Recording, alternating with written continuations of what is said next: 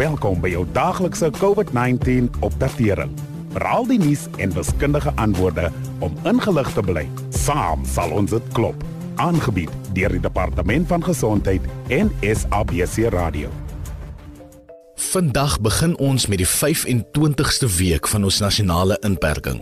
Daar is groot verwagtinge dat president Cyril Ramaphosa hierdie week die nasie gaan toespreek en aankondig hoe gou ons na vlak 1 sal kan oorbeweeg en wanneer die ekonomie verder sal kan heropen om meer werkgeleenthede te help skep. Die verdere verslapping van die inperkingsmaatreëls sal beteken dat baie meer mense na hulle werkplekke kan terugkeer. Om dit te kan doen, moet die met jong gesinne egter 'n veilige omgewing hê om die kinders in te laat. Voordat die pandemie uitgebreek het, het baie van daardie jong kinders een van die 30000 vroeë kinderontwikkelingssentrums reg oor die land bygewoon. Ongelukkig het die COVID-19 inperking tot gevolg gehad dat al daardie vroeë kinderontwikkelingssentrums moes sluit. Dit het 'n effek op byna 'n miljoen kinders gehad en ook daartoe gelei dat baie duisende werknemers by die sentrums hulle werk en inkomste verloor het. Baie van hulle was vroulike entrepreneurs wat die sentrums op gemeenskapsvlak op die been gebring en bestuur het. Daar is kundiges wat glo dat die sluiting van die vroeë kinderontwikkelingssentrums 'n direkte impak gehad het op soveel as 'n miljoen werkgeleenthede wat afhanklik was van toegang tot kindersorg. Dit is hartseer dat die meeste van hierdie sentrums steeds gesluit bly omdat hulle nog nie voldoen aan die COVID-19 protokol nie. Vandag gesels ons met ons gas om 'n beter begrip te kry van die ernstige uitdagings waarmee die bestuurders van die vroeë kinderontwikkelingssentrums te kampe het en om advies te kry oor hoe ons hulle as 'n gemeenskap kan bystaan. Na afloop van hierdie insetsel sal daar op ons Sikaba iCOVID-19 Facebook bladsy verdere inligting en bronne oor hierdie belangrike onderwerp beskikbaar wees. Ons gesels vanaand met Aziza Pieters, verteenwoordiger van die departement van vroeë kinderopvoeding en ontwikkeling.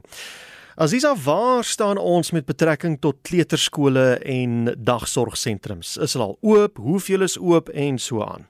Ongelukkig is die meeste van die kleuterskole nog nie oop nie. 'n Onlangse opname onder meer as 5000 VKO sentrums het aan die lig gebring dat omtrent 7 uit 10 van hulle nog steeds gesluit is. En dit beteken dat talle klein kindertjies uitmis op versorging, leergeleenthede en bevoeding. En een van die redes hiervoor is die verwarring oor die reëls en die prosesse. Die feit is dat VKO sentrums, kleuterskole en speelgroepies onmiddellik weer kan oopmaak solank hulle aan die basiese veiligheidsstandaarde voldoen en 'n selfevalueringsvorm voltooi het. Jy hoef nie te wag totdat die departement van maatskaplike ontwikkeling jou besoek het nie. Baie VKO-dienste kan ook nie heropen nie omdat hulle nie personeel kan betaal of die beskermde to toerusting kan koop wat hulle benodig het nie, soos die maskers, termometers ensovoorts. Ja, ons sal haar hier punte so een vir een behandel. Uh, Daar's 'n hele rits vereistes met COVID-19 regulasies waaraan VKO sentrums moet voldoen. Vertel ons 'n bietjie meer daaroor asseblief. Ja, die lys van goed waaraan kleuterskole moet voldoen is redelik lank en dit kan verwarrend wees. Maar 'n paar NRO's of soos ons dit noem NGO's het die lys opgesom en template gemaak wat dit baie makliker maak. So stap 1, lees die 4 bladsy opsomming van die standaard bedryfsprosedures. Dis die standard operating procedures en dis op die cecd.org.za webwerf. Ons sal ook afskrif op die Sikaba Facebookblad plaas. Stap 2 Voltooi die self-assessingsvorm aanlyn. Dis die self-assessment form op die Departement van Maatskaplike Ontwikkeling se webwerf. Dis um Department of Social Development website of kry 'n harde kopie by jou naaste DMO of soos ons dit noem DSD kantoor.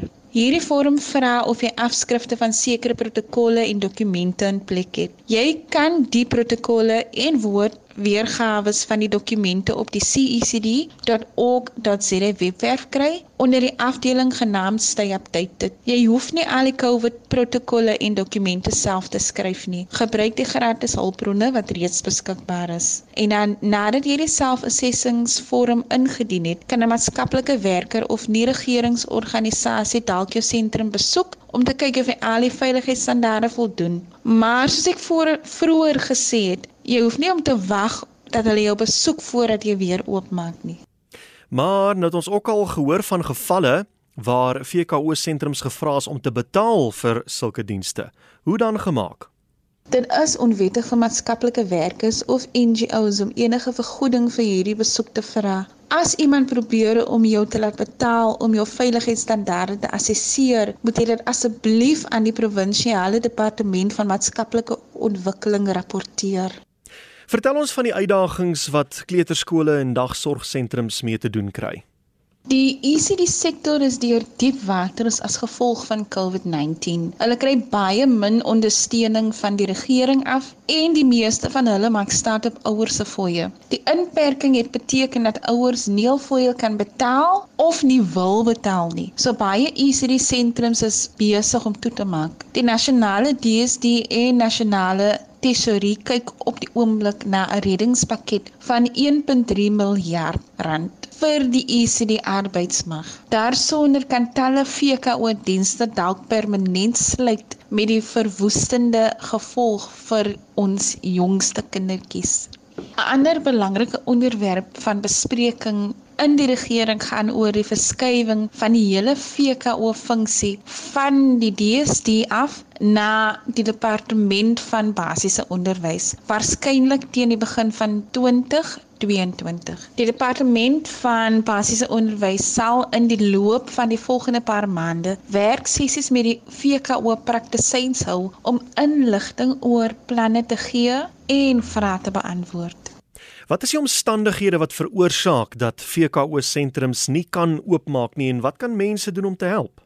Een van die grootste struikelblokke vir die heropening van kleuterskole is die gebrek aan PPE, soos maskers, termometer, pistole, die spuitbottels en handreiniger, plastiek handskoene, bleikmiddel, seep, Dettol en sneeustoetjies. Jy kan help deur hierdie items aan die VKO sentrum in jou omgewing te skenk of deur 'n NRO of NGO in jou omgewing te kontak wat met VKO sentrums werk. Vir die jongste inligting oor VKO verwante kwesties, sluit gerus by die ECD Heroes Facebook groep aan. Baie dankie, dit was Aziza Pieters. Dankie dat u geluister het na die daaglikse COVID-19 inligtingstuk aangebied deur die Departement van Gesondheid en SABC Radio in samewerking met die Solidariteitsfonds. Wees veilig, bly gesond. Saam sal ons dit klop. Suid-Afrika.